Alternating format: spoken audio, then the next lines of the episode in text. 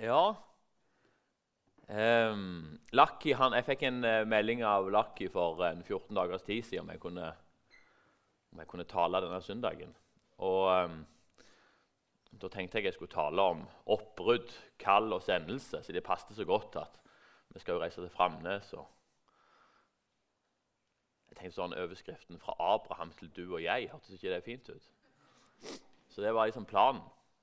Men så tror jeg denne uka her så tror jeg eh, jeg er blitt minnet om å tale om noe annet. Um, så det ble ikke fra Abraham til du og jeg. Det blir kanskje det en annen gang. Eh, på skolen nå så er det avslutningstid. Og på den tida så, så, skal du uh, i hvert fall prøve å finne ut liksom hva, hva skal jeg si til elevene den siste dagen. Men i år var det veldig vanskelig, for uh, jeg har ikke blitt så glad i elevene dette året som jeg pleier å være.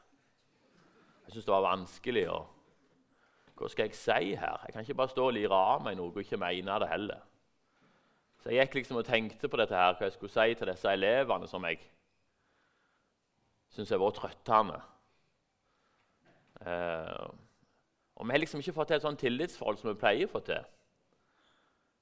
Eh, og mens jeg gikk og, og, tenkte på dette, her, så, så hørte jeg en, en, en, fortelling fra en menighet der de skulle, de skulle velge en, en, ny inn i eldste. Heldigvis en mann, ikke sant? Eh, og så, så var, hadde de en kandidat eh, i, i, til dette eldsterådet som uh, stort sett alle var godt fornøyde med. Plettfri vandel på de fleste områder. Men så sa pastoren at han nei, han ville motsette seg at denne mannen ble valgt inn. Og Så sier pastoren at grunnen til det var at han, han er jo ikke glad nok. Han smiler ikke nok.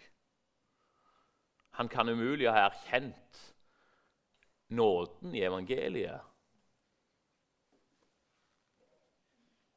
Det var veldig tidlig, dette her. Det var veld, veldig, veldig tidlig. Jeg sliter når du blir så rørt av seg sjøl når du snakker hele veien. Eh, for sa at han ville vært mye gladere og mer nådefull overfor andre mennesker hvis han hadde erkjent dybden og bredden i evangeliet. Derfor ville han ikke, han ville ikke gå god for denne mannen inn i eldsteråd. Og den, den der fortellingen traff meg sånn bang. For her har jeg liksom gått de siste månedene vært sånn eh, det var faktisk en kollega som sa det til meg òg. Du har vært mer, du har vært surere og mer gretten denne våren. Eh, og det har jeg vært. Og jeg har vært full av sånn egenrettferdighet. Lite raus og bitter. Følt at elevene ikke respekterte meg. Og Derfor hadde jeg lite positivt å si til elevene. Så tenkte jeg litt i forhold til da jeg hørte denne historien der hva hadde de elevene sagt om meg? Er det, er det evangeliet som skinner gjennom meg, eller er det bare loven? Er jeg bare en som gir dem dårlig samvittighet når de ser, når de ser meg? så tenker oh ja, ok.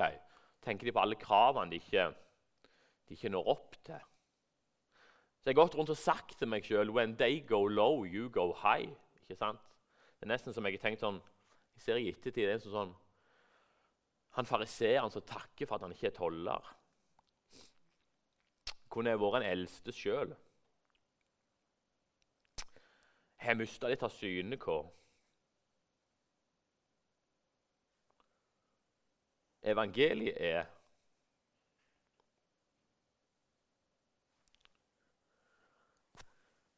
Hvorfor preger det ikke meg mer? Eh, hvis en skal fatte og gripe hva evangeliet er, så er en nødt til å snakke om synd.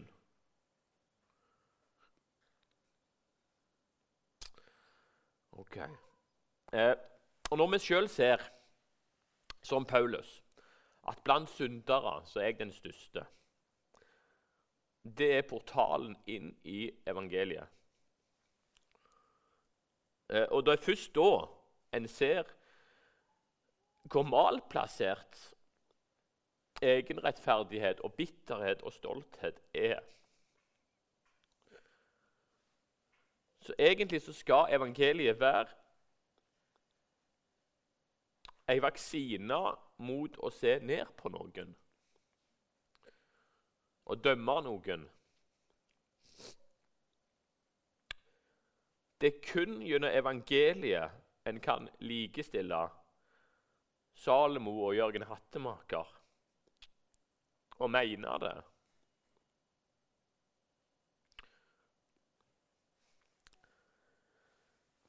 For vi er alle i samme båt. Eh, den hellige ånd har vi sunget om. En av de viktigste oppgavene til Den hellige ånd er å overbevise om synd. Eh, og hvorfor overbevise Den hellige ånd om synd? Det er ikke for å fordømme og ta ifra oss motet. Skremme oss nærmere Jesus. Hellige ånd veileder dere mot å bli hellige. Det er noen vink på vei, noen korrigeringer, sånn at vi skal gå rett. Temaet på gudstjenesten her eh, i år har vært rotfesta. Hele vår bevegelse springer ut av en evangelisk vekkelsesbevegelse. Sunn omvendelse, lov og evangeliet det er jo selve ryggmargen i vår røtter. Det er så nimme røttene som vi kan komme. Og Lakki har allerede snakket eh, en gudstjeneste litt om lov og synd og evangeliet. Eh, så jeg vil heller gå videre inn i den retningen der. Eh, vi snakker kanskje ikke så mye om synd i dag. Se nåde til meg, syndige menneske, som har krenket deg med tanker, ord og gjerninger. Det kan nesten virke litt fremmed for oss. Kanskje er vi blitt påvirka av samtida sine læresetninger. Du er god nok, du er unik, du er verdifull fordi du fortjener det. Just do it, kos deg, nyt, osv., osv., osv. Så det er noe sant i noe av det der. Eh, men det er halve sannheter. Arne Garborg han sier at det er de halve sannhetene som er de farligste løgnene. Evangeliet det forteller oss den fulle og hele sannheten. Og Derfor skal jeg prøve å si noe om hva synd er for noe. Eh, det er mange som prøver å forklare dette her synd. Jeg er psykologilærer. Psykologien prøver å forklare vår tilbøyeligheter ja, til kortkommenheter med at vi har blitt avvist, vi har opplevd overgrep osv., osv., osv., og så gjør vi dumme ting.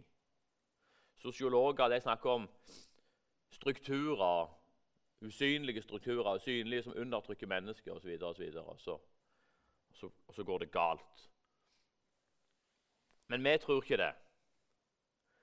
Hva om eh, dette er bare noe som tilrettelegger for noe som stikker djupt, djupt inni hjertet vårt?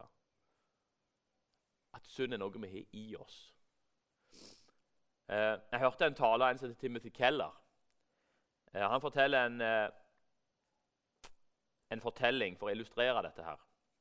I 1961 så eh, klarte eh, Israel, eller jødene, å, å, fange Adolf Eichmann. Han var eh, sjef i Auschwitz. Eh, og De eh, flydde han til Jerusalem, og de skulle eh, ha rettssak. og Et av vitnene heter Jehel Dinor. og Han ble kalt fram til, til vitneboksen. På vei fram til vitneboksen så han og besvimer. Så det blir ikke noe vitning for eh, de nord den dagen. Så de må bare bære han ut. og det blir liksom, De må kalle fram neste vitne. Og Han går liksom i historiens glemsel helt til en som heter Mike Wallace i 60 Minutes, et amerikansk program. Han eh, kommer på denne her fortellingen og kontakter han Dinor. Og Da eh, intervjuer han han, og så spør han det et sånn, litt sånn ledende spørsmål. Hva som gjorde at du kollapsa og besvimte? Var det at du ble overveldet av dette hatet når du så denne mannen? Var det frykten som ble overveldende? var det alle de forferdelige minnene. Så sier Dinor ingen av delene. Og så sier, forklarer Dinor til denne amerikanske journalisten hva som, hva som skjedde.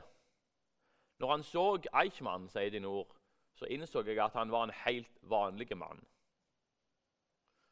Og jeg ble livredd meg sjøl. Jeg så at jeg som Eichmann var kapabel til å gjøre akkurat det samme. Det er en Eichmann i oss alle. Hvis han var kapabel, så er jeg kapabel. Og Der tror jeg er en god plass å begynne. De nord møtte seg sjøl i døra og gikk i gulvet. Og Vi òg møter dere sjøl i døra. Nå har jeg ikke gått i gulvet, men jeg har møtt meg sjøl i døra de siste ukene. Og I møte med evangeliet så skjer det stadig vekk. Eh, hvor kommer dette her? Den her at vi er kapable til å være en eik. Hvor kommer det ifra? Den beste plassen å begynne det er i Edens hage. For denne fortellingen her viser oss rota til synda. Hvor syndet er, hva som kjennetegner synd, og ikke minst løsningen på, på synda. Adam og Eva var fri ifra alt unntatt de kunne ikke spise for kunnskapens tre. Da skal dere dø, sa Gud. Slangen, når han frister Eva, så sier han dere vil ikke dø når dere spiser fra treet. Øynene deres vil bli åpna. Det stemmer jo ikke overens med det Gud sa. Dere vil få det bedre. Dere vil se bedre. Horisontene vil utvides. Nye perspektiv, som vi er så opptatt av i dag. Slangen angriper ikke trua på Gud. Er sånn sier Gud fins ikke. De vet jo at Gud fins. De fleste mennesker i dag tror at det fins en Gud. Det er helt greit for slangen og djevlene at en tror at det fins en Gud. Det er helt uinteressant for slangen å utfordre det.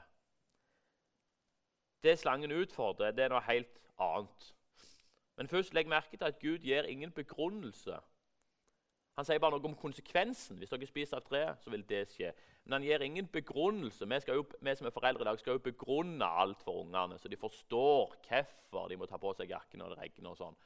Det gjør ikke Gud. Han sier bare 'ikke gjør det', da vil det skje. Ikke spis ifra treet.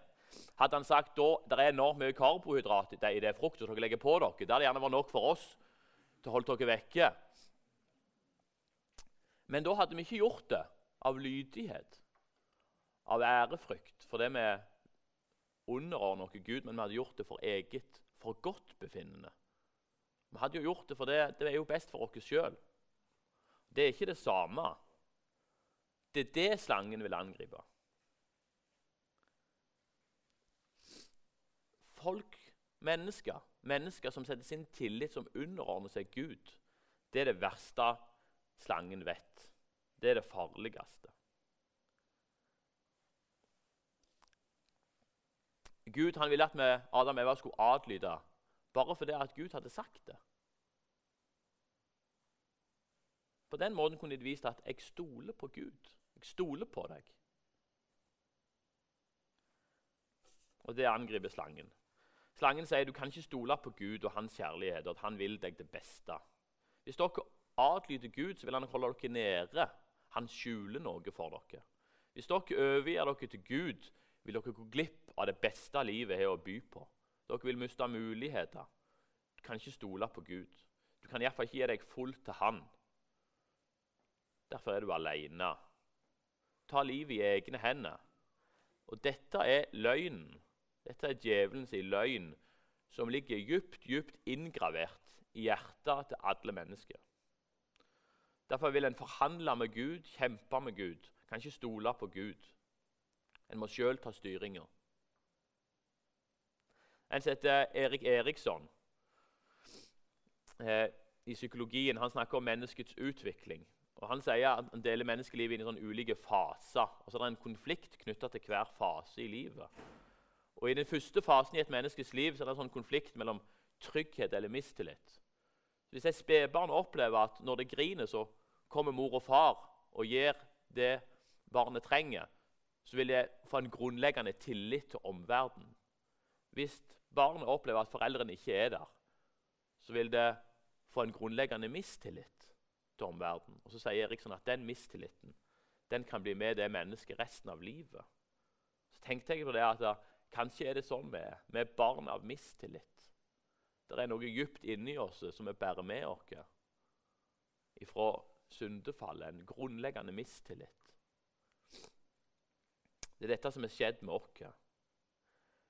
Mange arbeider seg sjøl nesten til døde for å vise, bevise for seg sjøl og andre at de har en verdi.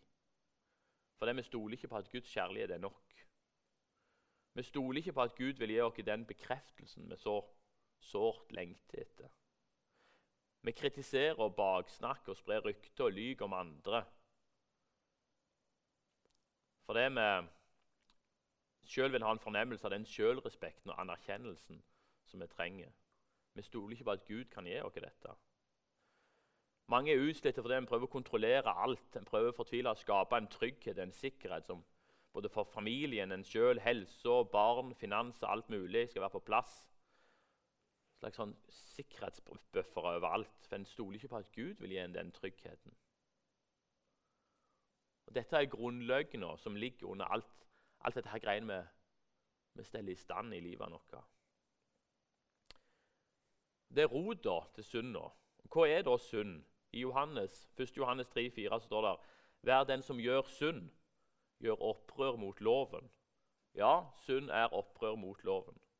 Synd er å bomme på målet i forhold til det Gud hadde tenkt. Men i bergpreken så viser Jesus at synd er noe mye mer enn handlinger uttrykt gjennom atferd. Synd handler også om våre motiver, våre hensikter, våre intensjoner. Det spiller òg en rolle. Så det handler ikke bare om atferd og det som kommer til uttrykk. Det handler om det hjertet som fører til handling. Når slangen sier og dere vil bli som Gud og kjenne godt og ondt, så skjer det noe inni hjertet til Adam og Eva. Og dette er kjernen. Vi vil ta Guds plass. Vi vil ikke la Gud være Gud. Vi er blitt splitta vesener. En som heter Gerard Hughes han sier det at vi gjør oss sjøl til autoriteten i livet vårt. Det som Gud skal være. Vi vil at alle skal kretse rundt vår ære, vår verdi. Vi vil at alle skal tilbe oss. Men det er jo Gud som skal være objektet for vår tilbedelse. Synd er å sette seg sjøl i Guds sted. Synd er å la alt handle om oss istedenfor Gud. Synd er å prøve å være sin egen frelser og herre. Martin Luther han sier det kanskje best. Han sier det at i vår natur så er vi så innkrøka i oss sjøl, så, sjølsentrert, at vi søker å bruke alle ting. Til og med Gud kan vi bruke til egen vinning. Jeg kan bruke Gud. Jeg kan eh, tale, jeg kan holde an, jeg kan gjøre masse ting. Sånn at jeg skal skinne, så kan jeg gjøre Gud til et middel. Det er fullt av vikarierende motiv hele veien. Vi er splitta. Vi har gode intensjoner, men vi har aldri helt rene intensjoner. Vi er ødelagte. Sjølsentrerthet er, sier Luther, faktisk òg ofte den primære motivasjonen for å være gode, snille, moralske, rettskaffende og sannferdige og rause. Det fins ingen mer effektive måter å få kontroll over andre mennesker på enn godhet. Og det vet vi som lever i dag. Hvem kan stå seg mot godheten? Hvem kan stå seg mot kjærligheten? Det fins ingen bedre måte å få mennesker til å respektere deg og lytte til deg. Den mest effektive måten er å være oppofrende, kjærlig og uselvisk. Og Han sier ikke vi ikke skal være det, men jeg bare sier at vi har, vi har splitta motiv i alle disse tingene. Så djupt inni oss, når vi hjelper mennesker, når vi gir dem penger, når vi Vi har begynt å si at vi investerer i dem til og med. Ja, da hender det at vi bruker dem. Vi gjør det ikke primært for deres skyld. Vi gjør det vel så mye for vår egen skyld. Det er egentlig det Luther sier. Og det er egentlig religionens, religiø, religiøsiteten sin dynamikk. Jeg holder normen, jeg tilber, jeg gjør det jeg skal. Og så forventer jeg en slags avkastning, en investering. Så jeg skal få avkastning på. Jeg forventer bønnesvar, jeg forventer velsignelser, jeg forventer gode følelser osv. osv. Og så blir Gud redusert til en som vi forhandler med. En som heter Leonard Cohen. Han skriver om det å forhandle med Gud. I wish there was a treaty we could sign. I do not care who takes this bloody hill. I'm angry, I'm tired all the time. I wish there was a treaty. I wish there was a treaty between your love and mine. Det hadde vært så enkelt hvis det bare var en avtale. Kunne kommet en overensstemmelse, så kunne vi bare signert, og så var det greit. Men det er ikke det. Luther han sier det ingen elsker Gud. Og Paulus sier at ingen søker Gud. Eh, det finnes ikke en som forstår, ikke en som søker Gud. Alle er kommet på avveier, alle er fordervet. Det finnes ikke en som gjør det gode, ikke en eneste en. Det er ingen som elsker Gud for den han er. Ingen tilber og adlyder Gud helt betingelsesløst. Det hender vi bruker den alle i hopa. Dette er en særdeles radikal forståelse av hvor sunn er. Det, er nesten, det kan være det er nesten sjokkerende. Men jeg tror det er sånn det er. Så Sunn handler ikke bare om å bryte regler. Det handler om å være sin egen herre og frelser og leve for sin egen ære. Og Det kommer ikke til uttrykk kun gjennom umoral og ondskap, men like mye gjennom loviskhet og religiøsitet.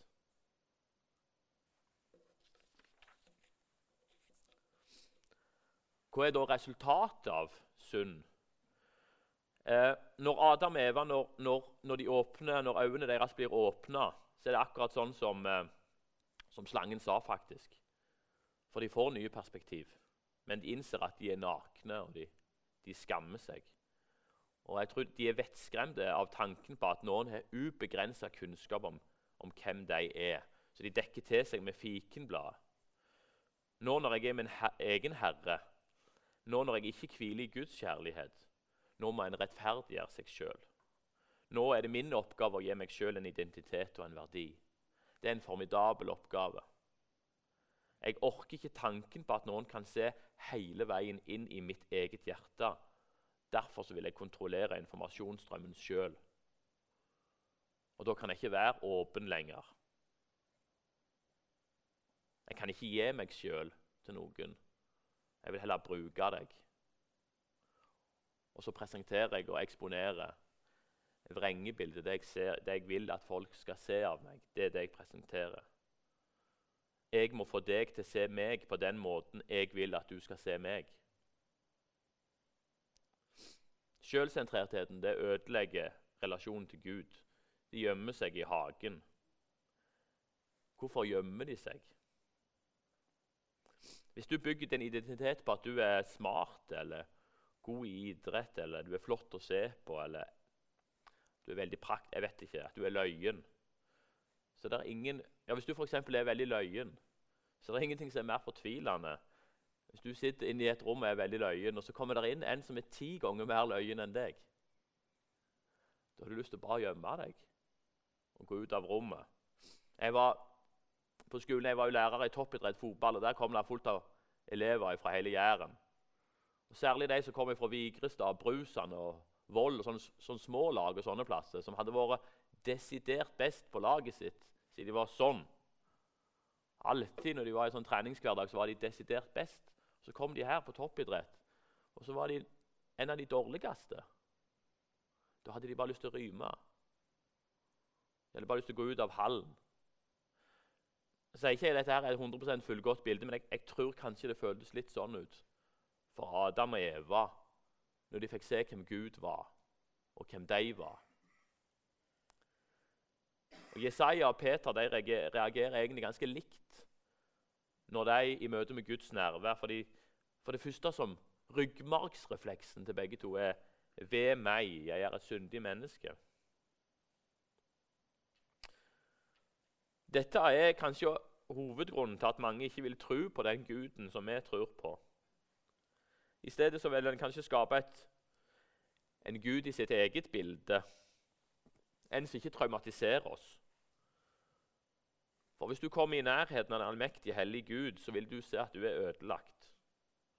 Og alle dine tilbøyeligheter og tilkortkommenheter vil komme til syne når lyset skinner på deg.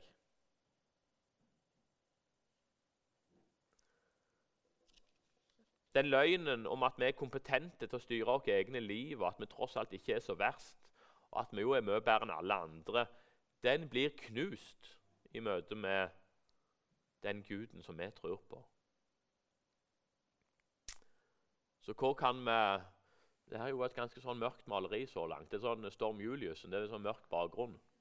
Men, men, men det kommer lys etter hvert her. Eh, for hva kan vi gjøre? Og Den samme teksten i første Mosebok gir oss et, et, veldig tydelig hint. Skal, eh, jeg vil sette fiendskap mellom deg og kvinnen, mellom din ett og hennes ett.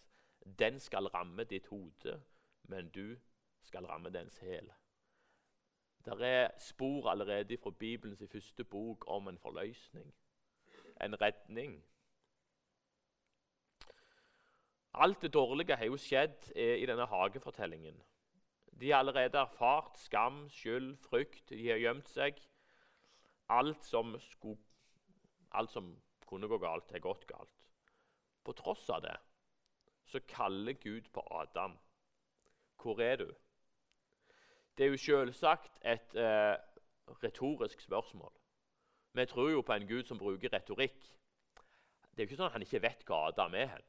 Gud vet alt. Så han vet akkurat hva Adam er hen.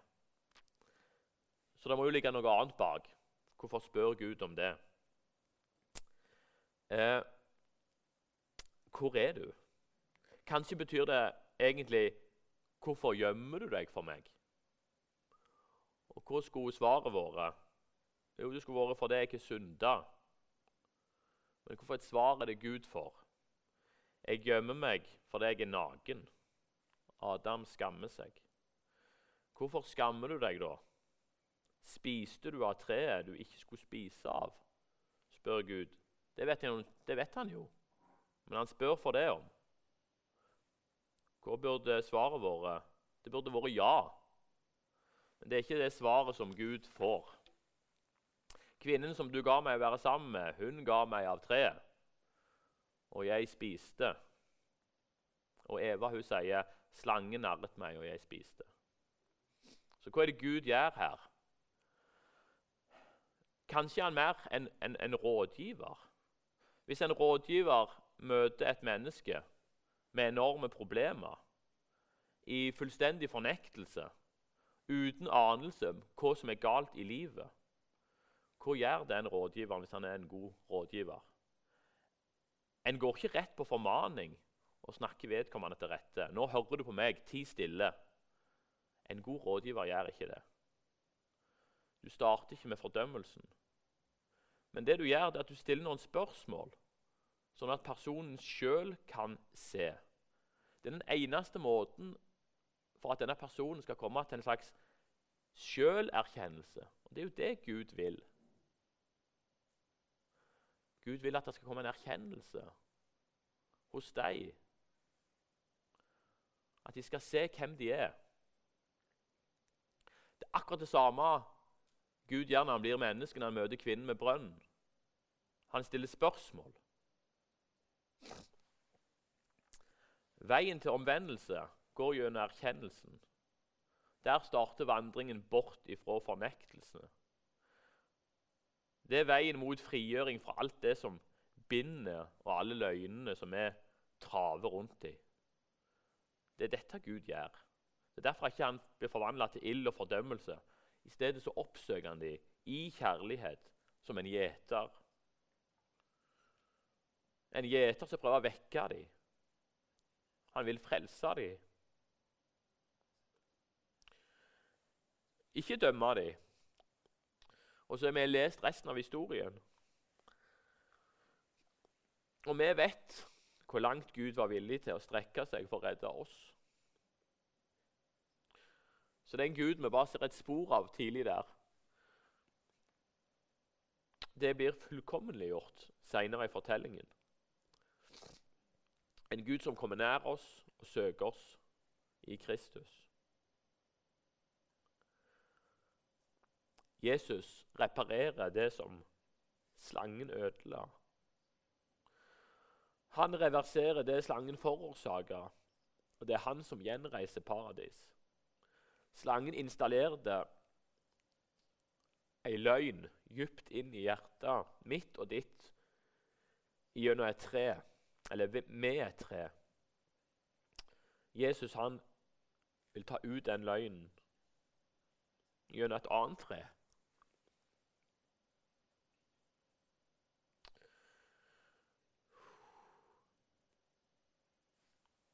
Gud sa til den første Adam Adlyd meg med treet, og du skal leve.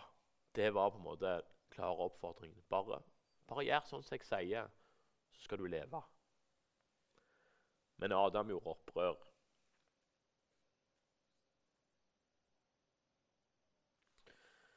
Den andre Adam, Jesus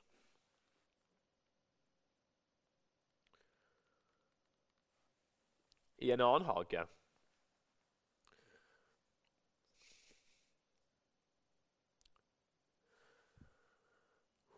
Getsemane, han sto overfor det samme.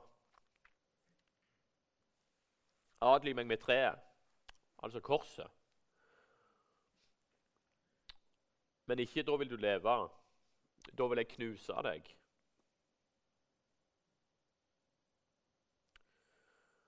Jesus han adløyt.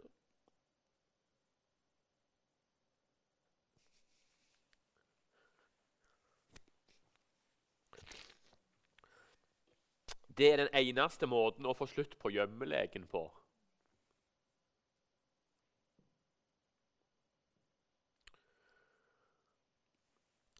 Det var eneste måten å sone all min synd all de synd. Gjøre om det som Adam gjorde. Korset var død for Jesus. Men det ble livets tre for meg og deg.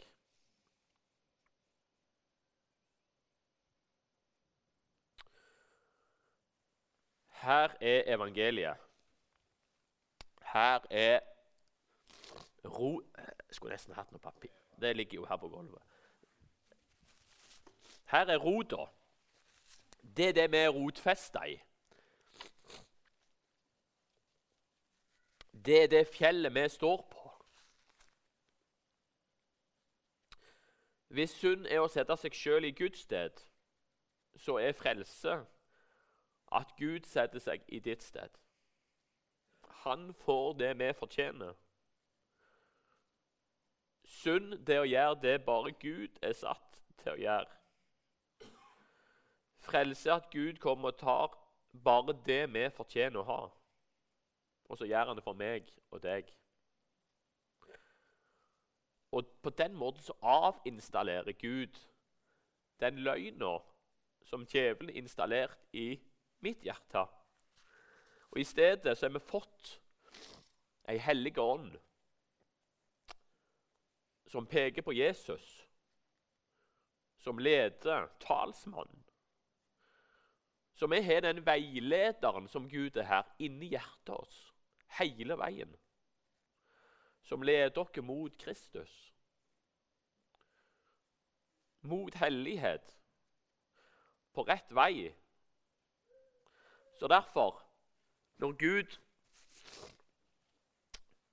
spør meg et retorisk spørsmål når jeg lurer på hva skal jeg si til dette, disse elevene. Ja, men husk hva jeg gjort for deg, Jarle. Husk hva jeg har tilgitt deg. Så ikke det er for å fordømme meg, men det er for å få meg inn på rett spor.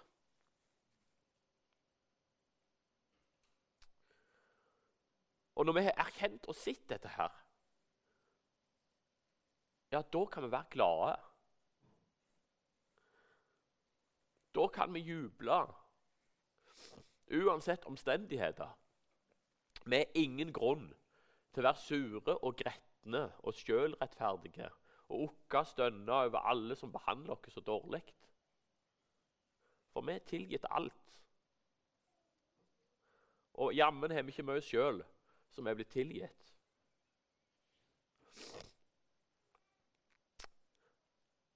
Og På den måten så leder Den hellige ånd. Han peker på hvem Jesus er, evangeliet, og så leder han oss inn i det livet. Til gleden, nåden, friheten. Og så møter vi oss sjøl i døra hele veien. Og vi må vende oss om. Og jeg, måtte, jeg må vende meg om fra det sporet jeg har vært i. Sånn er, det, sånn er livet med Jesus. Det er en vandring. Luther han sier det er, et liv i daglig omvendelse. Men det er Jesus det det handler om. Det handler ikke om at jeg skal ta meg sammen, hva jeg skal gjøre. Det handler om hva han har gjort for meg, først og fremst. Det handler om å gi opp og legge livet sitt i hans sine hender. Helt motsatt enn å ta livet i egne hender, sånn som Adam og Eva gjorde. Kanskje er det ting i ditt liv òg der dere havner inn i noen spor eller et eller annet som dere blir minnet om, som talsmannen minner dere om. Ikke ta det som fordømmelse. Ta det som veiledning. Det er et vink for å få dere inn på rett spor. Jeg er kroppsøvingslærer. Da ser jeg fullt av folk som gjør feil teknikk. Det går ikke til å si 'idiot' eller 'slutt', men du kan bare legge Du må gjøre heller litt sånn. Prøv å gjøre sånn. Strekk ut armen. Og så går det jo mye bedre. Sånn er det Den hellige ånd veileder oss. Kjære far. Takk for uh, det du gjorde på korset. Takk for uh, at vi kan uh, være rotfesta i ditt evangelie.